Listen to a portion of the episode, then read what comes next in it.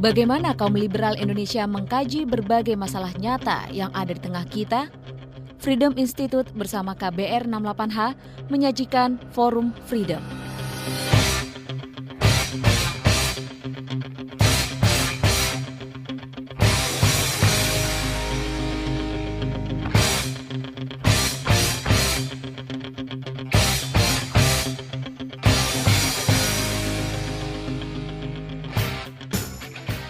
Halo, selamat pagi saudara. Anda berjumpa lagi dengan Forum Freedom bersama saya Hamid Basaib. Ini adalah sebuah acara yang disponsori oleh Freedom Institute Jakarta bekerja sama dengan KBR 68H dan dipancarkan ke beberapa puluh radio lain di seluruh Indonesia. Dan kita karena kita akan bicara utopianisme vs anti utopianisme dalam pemikiran politik dan karena isu ini sangat kental bernuansa filsafat, kita undang orang yang tepat yaitu seorang dosen filsafat dari Universitas Indonesia yaitu Bung Rocky Gerung. Selamat pagi. Pagi. Nah, ini Bung Rocky ada satu buku baru hmm. yang dikarang oleh John Gray judulnya Black Mass: Apocalyptic yeah. Religion and the Death of Utopia. Ini buku menentang keras katanya saya juga belum baca semuanya menentang keras pemikiran-pemikiran utopian dalam pemikiran politik. Mm -hmm. Dan kita tahu dalam sejarah pemikiran politik ada banyak pemikiran utopia. Tentu saja yang paling masyhur adalah Karl Marx yang mau membuat masyarakat tanpa kelas, yang mau membuat masyarakat ya kira-kira sama rata sama rasa gitu. Tetapi di luar Marx sebetulnya juga ada banyak lain, bahkan juga dari khazanah agama ya, kayak mm -hmm. Agustinus juga membuat perbedaan antara masyarakat manusia dan masyarakat Tuhan orang-orang Kristen menyebut soal tentu tentang kerajaan Tuhan.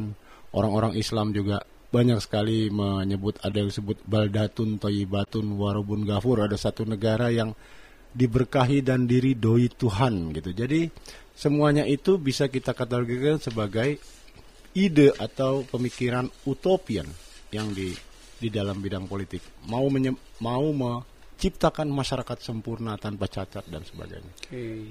Nah, sebetulnya apa?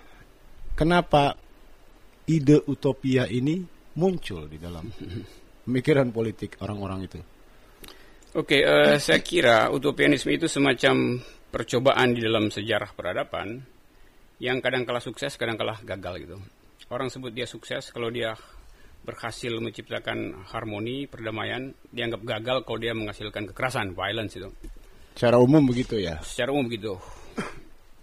Nah, saya baca buku Gray itu, saya kira uh, Gray bagaimanapun seorang empirisis Inggris, Inggris yang uh, pasti menganggap bahwa semua yang bersifat utopian adalah semacam ilusi manusia karena dia mulai dengan semacam dasar bahwa manusia itu sepasti-pastinya dia berupaya untuk memaksimalkan akalnya, pada dasarnya dia adalah seekor binatang. Jadi akal itu bagi Gray justru menyiksa uh, hakikat biologisme manusia. Dan uh, kalau saya tafsirkan, Gray menganggap bahwa percuma berpikir tentang utopianisme dengan fasilitas akal, karena konflik, kontro, uh, kontradiksi, persaingan politik adalah dasar dari kehidupan politik. Dan itu yang menerangkan kenapa misalnya Hobbes memerlukan membuat kontrak politik. Mengapa misalnya dalam ilmu ekonomi ada yang disebut uh, keseimbangan rasional, mengapa di dalam komputer diperlukan semacam pro, pro, program antivirus, tapi di atas segala-galanya manusia tetapnya adalah binatang itu. Itu tesis utama uh, Gray. Dan karena itu dia menganggap utopianisme yang dasarnya adalah perkembangan rasio seperti yang dipromosikan oleh uh, kalangan filsuf pencerahan adalah omong kosong di dalam sejarah. Saya kira itu uh, inti dari pikiran hmm. Gray uh, Hamid. Nah, tapi masalahnya kenapa, Rok? Ada begitu banyak pemikir yang tergoda untuk me, apa, menggagas satu desain yang utopian buat masyarakat dan kemudian juga mengapa cukup banyak orang yang misalnya komunisme hmm. dianut satu miliar lebih hmm. orang misalnya, walaupun di Soviet kemudian hancur. Ya, itu betul sebab uh, kan ada semacam dimensi. Nah ini saya kira uh, kontradiksinya kalau orang merasa bahwa dia dasarnya adalah binatang, dia dasarnya adalah makhluk yang berpotensi buat konflik, dia selalu ingin atas itu. Jadi hmm. uh, godaan pada politics of hope, politik harapan itu sangat besar, terutama bagi mereka yang merasa bahwa gagal di dalam kehidupan real masyarakat, gagal di dalam kehidupan ekonomi, gagal dalam uh, kehidupan yang disediakan oleh modernitas, lalu berharap pada semacam cita-cita utopian. Hmm. Nah, masalahnya adalah utopianisme macam apa yang di hmm. yang bisa kita promosikan sebagai uh, jalan pikiran baru dalam masyarakat sekarang ini.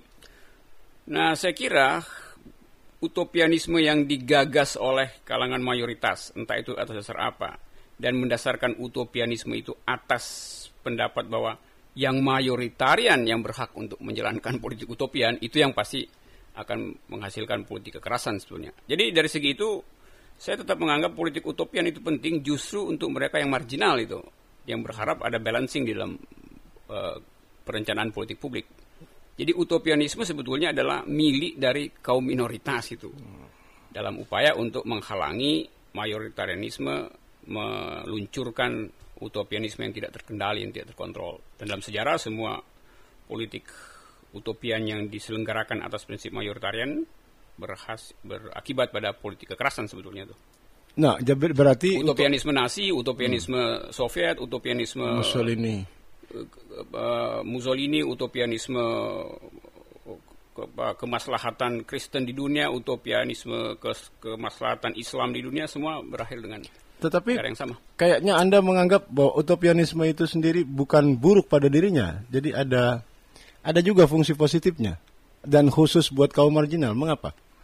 utopianisme itu semacam uh, peralatan aja buat orang mendelegasikan kehendaknya atau semua niat dia itu.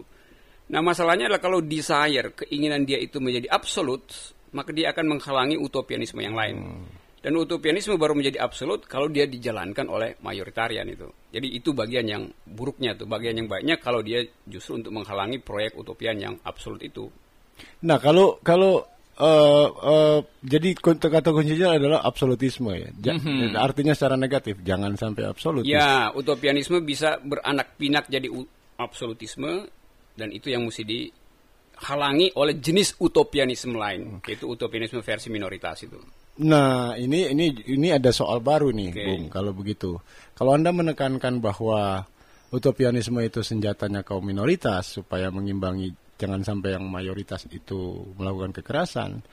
Kalau kita lihat misalnya kelompok-kelompok teroris mm -hmm. atas dasar agama Islam misalnya, itu juga bertolak dari utopianisme dan mereka sangat minoritas dan mereka lah yang melakukan kekerasan. Ya. Jadi bukan hanya yang mayoritas. Betul. Saya kira. Uh, saya nanggap itu. Saya baca misalnya buku The Islamis ya dari Ed Hussein ada bab yang uh, sangat bagus, uh, kalau nggak salah, bab tentang berakhirnya fanatisme dia. Dia mengutip E.H. Carr itu, seorang historian Inggris yang mengatakan bahwa fakta-fakta dalam sejarah itu sebetulnya adalah omong kosong, yang adalah interpretasi itu.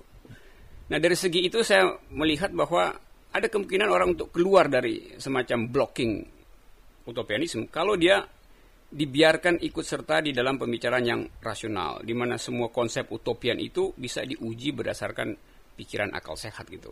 Jadi kalau kesempatan itu diberikan, baik yang mayoritas maupun minoritas sebetulnya bisa bergabung di dalam satu proyek utopian yang betul-betul masuk akal, yang testable, hmm. yang bisa di, uh, di, dipertandingkan, yang yang contestable itu. Hmm. Nah problem kita adalah banyak doktrin utopian yang tidak contestable dan itu mengakibatkan absolutisme tadi yang saya maksud. Nah itu dia saya kira ya. Saya juga pikir uh, umumnya atau hampir-hampir inherent ya sikap-sikap yang cenderung absolutis itu pada pemikiran-pemikiran atau gerakan-gerakan utopian ya. Misalnya komunisme juga pasti melarang de, apa debat terbuka atau apa dan uh, kaum agamis juga misalnya kelompok-kelompok teroris itu kalau Anda tadi menyebut the Islamisnya Ed Hussein kelihatan sekali ya struktur di organisasi mereka itu entah ya. Hizbut Tahrir atau apa sangat uh, menutup rapat kemungkinan kontestasi atau verifikasi dari misalnya hierarki di bawahnya. Nah, pertanyaan saya, Bung, apakah apakah memang uh, absolutisme itu nyaris inherent di dalam pemikiran utopian? Saya lihat enggak. Utopianisme tidak inherent di situ. Utopianisme adalah kesempatan kebudayaan untuk merasakan harapan di masa depan itu. Oleh karena itu kita pernah belajar dari berbagai macam utopianisme yang absolut dan sekarang kita mau berhenti mengkonsumsi jenis-jenis itu. Jadi sebetulnya sejarah memberi pelajaran bahwa utopianisme selalu diperlukan demi politics of hope. Nah, dasarnya apa? Karena di belakang kita ada memori kekerasan, maka utopianisme yang base pada politics of hope justru diperlukan karena ada politics of memory yang buruk di di, di masa lalu tuh.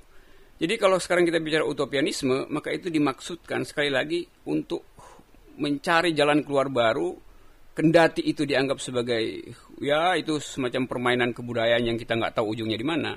Tapi yang penting adalah kita mulai kita harus berhenti mengkonsumsi doktrin mengkonsumsi semua ajaran yang tidak bisa diuji di dalam perdebatan hmm. publik. Nah, utopianisme yang saya maksud adalah utopianisme yang boleh diedarkan di dalam percakapan publik dan membuka diri untuk dinyatakan salah, dinyatakan keliru gitu. Bisa difalsifikasi. Bisa gitu, difalsifikasi. Kira -kira ya? Jadi utopisme yang yang uh, falibilistis itu. Nah itu apa apa apa aja itu contoh? Apakah anda menganggap apa misalnya program-program ekonomi tertentu juga dari kalangan yang paling rasional misalnya mm -hmm. itu masuk dalam kategori yang utopia oh, ya, yang anda maksudkan? Program ekonomi rasional tentu bisa diuji berdasarkan bukti bukti paradoks dari uh, statistik yang dia dia ajukan atau model komputer yang gagal memasukkan variabel sosial misalnya, itu bisa diuji tuh. Tapi utopianisme yang dasarnya adalah ayat suci misalnya, itu pasti nggak bisa iya, diuji yeah, dan susah. itu tidak contestable. Kalau mau nguji jauh sekali ke atas ya, langsung. Iya dan itu nggak tercapai. Kita mesti tunggu akhirat dulu baru. Nah, ada kepastian. itu kalaupun ada. Nah, maksud saya gini, Bung. Uh, ini sedikit lagi sebelum kita ke bagian kedua. Oke. Okay. Uh, itu apa saja itu kira-kira? Anda menyebut program ekonomi tadi sebagai hmm. contoh. Ada nggak apa desain politik yang lebih besar yang punya apa kualitas atau nuansa utopian tetapi yang testable dan falsifiable itu. Ada misalnya uh, soal justice ada tema yang paling tepat untuk diajukan sebagai uh, indikator atau semacam parameter untuk mengukur program politik itu. Misalnya kita tahu ada utopianisme Darwin yang sangat kanan yang merasa bahwa uh, apa namanya survival of the fittest adalah hukum yang nggak bisa dielakkan itu. Tapi orang semacam misalnya Peter Singer mempromosikan semacam uh, Darwinian left yang menganggap bahwa kelompok kiri yang selalu anti pada politik Darwin sebetulnya bisa ikut mengambil bagian dalam upaya kooperasi dengan menganggap bahwa toh manusia sedang berevolusi tapi kooperasi bisa menghindarkan orang dari survival of the fittest. Jadi proyek semacam itu bisa diterjemahkan di dalam bentuk-bentuk perekonomian, aturan sosial, bahkan aturan hukum itu. Hmm. Jadi selalu ada kemungkinan untuk mencegah absolutisme evolusi evolusi Darwin misalnya dengan mencoba mempertimbangkan jalan pikiran kelompok yang lain itu. Yang sekarang adalah minoritas yaitu kiri itu. Hmm. Kanan tentu mayoritas sekarang, tapi kalau kita pastikan bahwa kanan itu mayoritas dan karena itu dia benar berdasarkan prinsip Darwinian, maka kita ikut serta di dalam mempromosikan jenis uh, utopianisme yang absolut tadi. Yang absolut ya. Baik, Bung, kita istirahat sebentar. Saudara Anda masih bersama Forum Freedom. Kita istirahat sejenak yang setelah yang satu ini.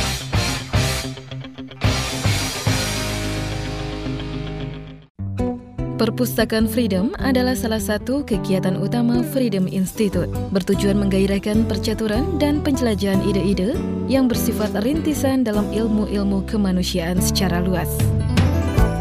Perpustakaan Freedom menyediakan koleksi terpilih dalam bidang sosial, politik, ekonomi, budaya, filsafat, dan agama. Ada sekitar 10.000 judul buku dan berlangganan 60 jurnal, majalah, dan terbitan berkala, baik dari dalam maupun luar negeri. Selain buku dan jurnal terpilih, Perpustakaan Freedom juga menyediakan fasilitas multimedia berupa internet yang bisa digunakan pengunjung secara gratis. Perpustakaan Freedom terbuka untuk umum, dapat dikunjungi setiap hari, termasuk Sabtu dan Minggu. Informasi lengkap hubungi nomor telepon 021 319 09226.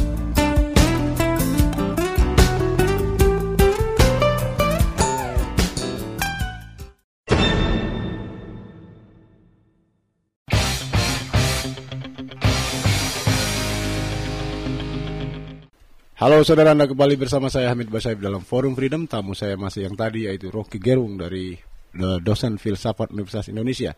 Rocky sudah cukup banyak mengungkapkan tentang karakter dasar pemikiran utopian yang pada umumnya dan ada juga distingsi yaitu pemikiran utopian yang bisa diverifikasi dan karena itu uh, justru itulah yang boleh dipromosikan gitu dalam kerangka apa proyek besar politik masa atau politik yang melibatkan begitu banyak orang. Nah, Bung Rocky di titik melibatkan banyak orang ini saya kira uh, titik yang penting ya kalau Anda menganggap bahwa utopianisme itu perlu, itu juga dalam rangka itu. Maksud saya, masa atau jumlah orang yang banyak itu secara rata-rata masih memerlukan apa hope ya mm-hmm. sebagai apa sebagai proyek masyarakat gitu. Kalau yeah. maksud saya secara pribadi-pribadi mungkin kita udah kuat ya. Tetapi kalau kita ngomong masa uh, karena itu pemimpin perlu menggelorakan harapan. Apakah utopianisme semacam itu yang juga Anda maksudkan perlu dipromosikan? Ya, utopianisme yang diinvestasikan pada warga negara bukan pada pada masa yang ah, cair hmm. atau bahkan bukan pada pada uh, apa namanya kumpulan umat itu. Jadi utopianisme yang saya maksud selalu paralel sebetulnya satu proyek bersama dengan ethics of citizenship gitu ya. Nah, kita misalnya uh, sering kali saya katakan bahwa kalau ke, kalau kita lihat apa yang terjadi di Indonesia, sebetulnya Indonesia itu nggak ada konsep warga negara. Yang ada adalah kumpulan umat. Kawulo. Dan kumpulan massa tuh. Hmm. Dua-duanya menganut semacam antropologi keyakinan yang absolut. Yang satu absolut karena menganggap bahwa janji sosial itu ukurannya adalah surga. Yang kedua janji sosial itu adalah pragmatisme. Yang masa itu menganggap janji sosial ada pragmatisme. Siapa yang giring dia ke satu titik dialah yang dianggap uh, apa uh, pemimpin itu. Sementara yang versi yang agama siapa yang paling kuat mempromosikan surga dia yang boleh dijadikan panutan. Padahal konsep warga negara tidak bekerja seperti itu. Jadi absolut uh, sorry sorry oh, utopianisme yang saya maksud harus paralel dengan pekerjaan pendidikan politik warga negara hmm. supaya dia nggak jatuh jadi absolutisme yang absolut tadi itu. Jadi civic education di sini ya, penting ya. Hmm. Nah karena itu bung kalau kalau anda memotret hmm, apa apa gambar besar Indonesia seperti itu artinya masih apa definisi tentang warga negara itu belum terlalu tegas atau belum masuk dalam kesadaran yang pokok di dalam individu-individu apa orang Indonesia gitu. Bisa nggak dikatakan bahwa dalam latar seperti itu pemikiran utopianisme yang cenderung absolut itu bisa punya pasar yang besar. Betul. Sekarang ini itu yang terjadi. Jadi yang laku keras adalah absolutisme yang absolut karena yang diecerkan, diedarkan pada konsumen dan konsumen itu bukan warga negara adalah tipe-tipe semacam itu dan itu sangat berbahaya buat kehidupan kebebasan sipil, berbahaya untuk uh, masa depan demokrasi dan berbahaya untuk masa depan pluralisme. Nah, gimana tuh kalau kita mencoba sok-soknya kita cari solusi lah gitu ya? Mm-hmm. Gimana itu kira-kira ngatasinya? Apa ada nggak desain yang yang sangat mungkin untuk mengatasi itu? Bagaimana tahapnya? Ide-ide apa yang harus disuntikan? Sebetulnya apa dari kira-kira? dari sudut fasilitas kenegaraan institusi hukum itu itu sebenarnya dilarang gitu, terlarang gitu kan cukup hukum kita cukup untuk mengamankan itu. Tapi masalahnya adalah ide itu beredar di dalam instalasi kebudayaan itu. Dan pemimpin-pemimpin politik kita adalah pemimpin yang lebih suka bersembunyi di balik ruang-ruang kebudayaan, ruang-ruang uh, komunitarianisme yang lokal yang betul-betul uh, berupaya untuk mencari semacam basic belief di dalam kehidupan politik ketimbang pergi pada soal-soal yang formal yang bisa di, di istilah Anda tadi bisa diverifikasi yaitu hukum undang-undang. Jadi itu itu masalahnya sebenarnya. Nah ini menyangkut bagaimana proses kaderisasi politik yang menghasilkan uh, pemimpin-pemimpin semacam ini. Hmm. Nah kalau itu nggak bisa kita atasi, maka kita mesti bersiap-siap untuk tiba pada satu titik di mana absolutisme, utopianisme yang absolut akan mengangkangi, mengungkungi dan membunuh segala macam uh, politics of hope dari dari hmm minoritas dari mereka yang berpikir demokratis itu. Nah ini menarik, Bung. Kalau anda nggak memotret Indonesia ya, tapi saya kira kecenderungan umumnya di seluruh dunia ya begini mm -hmm. juga. Anda kalau baca misalnya minggu lalu majalah The Economist bikin survei tentang wars of yeah. religion yang bagus sekali. Mm -hmm. Dan itu di dunia kecenderungannya seperti itu. Mm -hmm. Di Amerika kita tahu ada Kristen fundamentalis yang luar biasa agresif. Di Inggris juga, di Timur Tengah sudah jelas. Beberapa kelompok Islam juga bukan mengecil gitu, membesar. Dan tampaknya ini apa apa virus utopianisme absolut seperti anda itu, Betul itu sudah menyeluruh ke seluruh dunia. Kena, kenapa ini, Bung? Apakah karena dunia yang makin tidak pasti, orang butuh kepastian, janji-janji yang sederhana dan itu absolut? Satu soal itu, satu soal dunia yang tidak pasti dan orang mau cari pegangan baru. Tapi kalau kita menganggap bahwa itu yang benar, contagious effect semacam ini justru bisa bikin kita uh, pesimistis dengan upaya-upaya membangun utopianisme yang rasional itu. Hmm. Jadi kita mesti anggap bahwa dengan beredarnya semakin lebar utopianisme absolut, maka tantangan buat membangun utopianisme yang rasional justru harus dibuat secara lebih lengkap gitu. Dan saya percaya bahwa begitu banyak kegiatan atau uh, keinginan untuk mempromosikan jenis utopianisme yang rasional ini yang terhalang hanya karena ketakutan kita bahwa toh dalam persaingan habis-habisan yang rasional itu akan akan kalah gitu. Jadi secara mental sebetulnya mengkonsumsi berita semacam itu justru melemahkan politik. Oh begitu. Iya. ya. Jadi sebaiknya nggak usah dibaca. Sebaiknya nggak usah dibaca. mencemaskan. Tapi saya mau teruskan itu di India begitu juga. Okay. Dia lihat kita lihat ya di ekonomis itu ada dokter bedah yang sangat sukses, kaya raya. Hmm. Tiba-tiba pada umur 50-an di tengah puncak apa karirnya sebagai dokter bedah yang sukses, dia menjadi fundamentalis Hindu dan memperjuangkan hmm. itu Ayodhya, Masjid Babri yang dihancurkan dan dia ikut mau bangun istana Ayodhya sebab dia bilang Dewa Ram lahir di situ. Mm-hmm. Nah ini buat saya luar biasa dan kita tahu jumlah orang semacam ini banyak sebetulnya di semua agama juga ya. Ada born again Christian, born again Muslim, born again Hindu. Lo kenapa ini Bung? Ini saya lihat ini. Dari segi logic of history itu. Sejarah itu selalu pendulumnya naik ke kiri, naik ke kanan, ekstrim ke atas, ekstrim ke bawah gitu.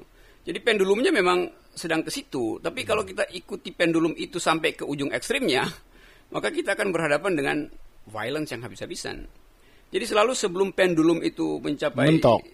ya mencapai lengan momentum yang paling ekstrim, dia mesti coba kita tahan itu. Nah, cara menahan itu dengan saya sebut tadi misalnya tidak terlalu terpukau pada semacam uh, gerak dunia yang betul-betul sedang bergerak ke sangat absolutis, tapi percaya bahwa tetap ada gerakan-gerakan minor yang berupaya untuk mencegah supaya bandul itu nggak terlalu jauh. Hmm. Dan forum semacam ini adalah bagian dari itu. Hmm, mudah-mudahan ya. Nah sekarang kita kembali ke utopian yang yang rasional yang anda gagas hmm. tadi. Bisa nggak, Bung? Rock apa demokrasi itu dianggap juga semacam utopianisme juga karena demokrasi kan mengandaikan kesamaan warga negara di depan hukum walaupun dia kaya miskin dan banyak orang keberatan kan di masa feodal tentu orang keberatan. Masa saya tuan tanah dan orang kaya disamakan dengan itu. Masa nilai suara saya mm-hmm. dalam pemilu ditimbangnya rata gitu. Saya profesor, yang satu pedagang koran, kok sama nilainya? Banyak juga orang yang keberatan nih. Nah, apakah demokrasi juga kalau begitu bisa dianggap sebagai utopian? Ya, demokrasi betul-betul mengandung nilai-nilai utopis itu. Karena orang percaya terhadap sesuatu yang tidak bisa dibuktikan. Apa sebetulnya hmm. dasar kepercayaan itu? Satu-satunya dasar kepercayaan adalah bahwa setiap orang di dalam proses demokrasi bisa berbuat kesalahan dan bisa dicek kesalahan itu tuh. Nah, pada yang absolut bagian ini elemen ini dihilangkan itu. Seolah-olah tidak mungkin ada kesalahan dalam satu proyek utopian. Jadi proyek utopian demokrasi adalah proyek utopian yang checkable, yang bisa di, diuji, bisa dipersaingkan dan bisa dinyatakan keliru gitu. Karena itu misalnya kalau saya gambarkan dengan dengan satu metafor, dalam demokrasi kan kita evaluasi setiap lima tahun gitu. Karena itu ada kesempatan untuk memperbaiki. Tapi kalau kalau dasarnya bukan demokrasi, kita memilih Tuhan itu satu kali dalam seumur hidup misalnya. Hmm. Dan demokrasi tidak memilih sesuatu sekali dan tidak boleh bisa dikoreksi. Jadi nggak ada pilkada untuk Tuhan gitu. Hmm. Pilkada ya pemilu untuk memilih Tuhan yang ada pemilu untuk memilih seseorang yang pasti akan berbuat salah itu. Nah di situ rasionalitas dari demokrasi itu. Tapi komunisme juga begitu ya. Kita kemarin lihat Kongres Partai Komunis. Mm -hmm. Ya mereka kongres sendiri aja gitu. Beberapa ribu pemimpin Cina membawahi 1,3 miliar manusia Cina dan Hu Jintao terpilih lagi gitu mm -hmm. dan nggak ada hubungannya dengan rakyat. Betul. Uh, politik nomenklatura tetap bekerja di situ karena tetap ada ada bagian ortodoks yang merasa bahwa janji-janji semacam itu hanya boleh dirumuskan secara elitis dan di, diseminasikan ke bawah. Nah, bagian itu yang sudah dibuktikan berkali-kali gagal sebab utopianisme yang didasarkan pada manajemen hierarki dalam politik selalu menghasilkan kekerasan dan dalam dirinya akan memproduksi kontradiksi itu. Nah, oke, okay. ini terakhir barangkali Bu Rocky, kita mulai dengan buku John Gray tadi ya, mm -hmm. Black Mass Apocalyptic dan seterusnya itu. Bagaimana secara umum menurut Anda buku ini? Kenapa apakah betul dia sedemikian anti utopiannya? Dan apakah anti utopianismenya itu tidak pandang bulu gitu? Kalau Anda kan masih pandang bulu. Ya, John Gray ini sebetulnya juga juga mungkin namanya bukan John Gray pakai A, pakai E sebetulnya John Gray, Gray. gitu karena dia juga suka kelabu banget. Abu-abu gitu. Dia pernah uh, jadi seorang liberal, terus pro Thatcher. Tapi waktu ditanya kenapa Anda pro politik konservatif Thatcher, dasarnya bukan karena dia suka kebijakan Thatcher, tapi dia tidak ingin kalau Thatcher gagal dalam kebijakannya yang isi kebijakan itu adalah utopianisme kiri gitu. Jadi nggak jelas sebetulnya porsi utopianisme itu. Karena itu saya menganggap bahwa uh, buku Gray itu tadi saya pakai istilah Darwinian left, dia ragu-ragu untuk percaya pada Darwinian left dan pada pihak yang lain dia tidak punya semacam kehendak politik untuk melihat bahwa minoritas masih memerlukan utopianisme demi menghalangi utopianisme mayoritas itu. Jadi hmm. dia pukul rata yang namanya utopianisme itu tanpa melihat fungsinya secara historis, secara lokal, secara partikular dalam perjuangan politik real gitu. Saya kira di situ uh, Gray gagal untuk uh, mendudukkan utopianisme di dalam rangka politik sejarah gitu, atau dalam lebih tepat lagi dalam sejarah politik kemanusiaan itu. Dia bisa nggak disebut karya pertama di bidang, maksud saya secara kritik yang paling menyeluruh gitu terhadap utopianisme karya Gray ini? Enggak, saya kira Gray dia cuma mau buku Gray ini sebetulnya harus dibaca di dalam latar belakang buku sebelumnya Straw Dogs itu. Buku Straw Dogs itu adalah uh, filosofi dari Gray. Straw Dogs itu menganggap bahwa manusia itu adalah binatang karena itu kebinatangan itu akan menghalangi semua proyek utopianisme. Jadi buku ini sebetulnya adalah semacam percobaan untuk membuktikan bahwa binatang itu tidak punya pikiran utopis karena itu berhentilah untuk untuk berobsesi tentang mencoba, utopianisme ah, gitu. Jadi maksudnya kembali ke realitas saja lah. Ya, dia, dia akhirnya jadi seorang realis. Sesuai dengan martabat kebinatangan manusia gitu maksudnya. Cukup keras ya anunya ya, asumsi dan kesimpulannya. Asumsinya di situ dia koheren dalam dalam uh, urutan bukunya, tapi dia menjadi inkoheren karena tidak memperhatikan sifat sejarah yang selalu bisa di, di tekuk balik oleh kegiatan minoritas yang betul-betul uh, konsisten itu. Baik, terima kasih Bung Rocky atas kehadiran Anda di studio dan saudara begitulah akhir dari Forum Freedom kita pagi ini. Saya Hamid Basyaib mohon diri dan Anda bisa kirim SMS ke 0217049747. Saya ulangi 0217049747. Kita berjumpa lagi minggu depan. Terima kasih. Wassalam. Anda baru saja menyimak Forum Freedom kerjasama KBR 68H dengan Freedom Institute.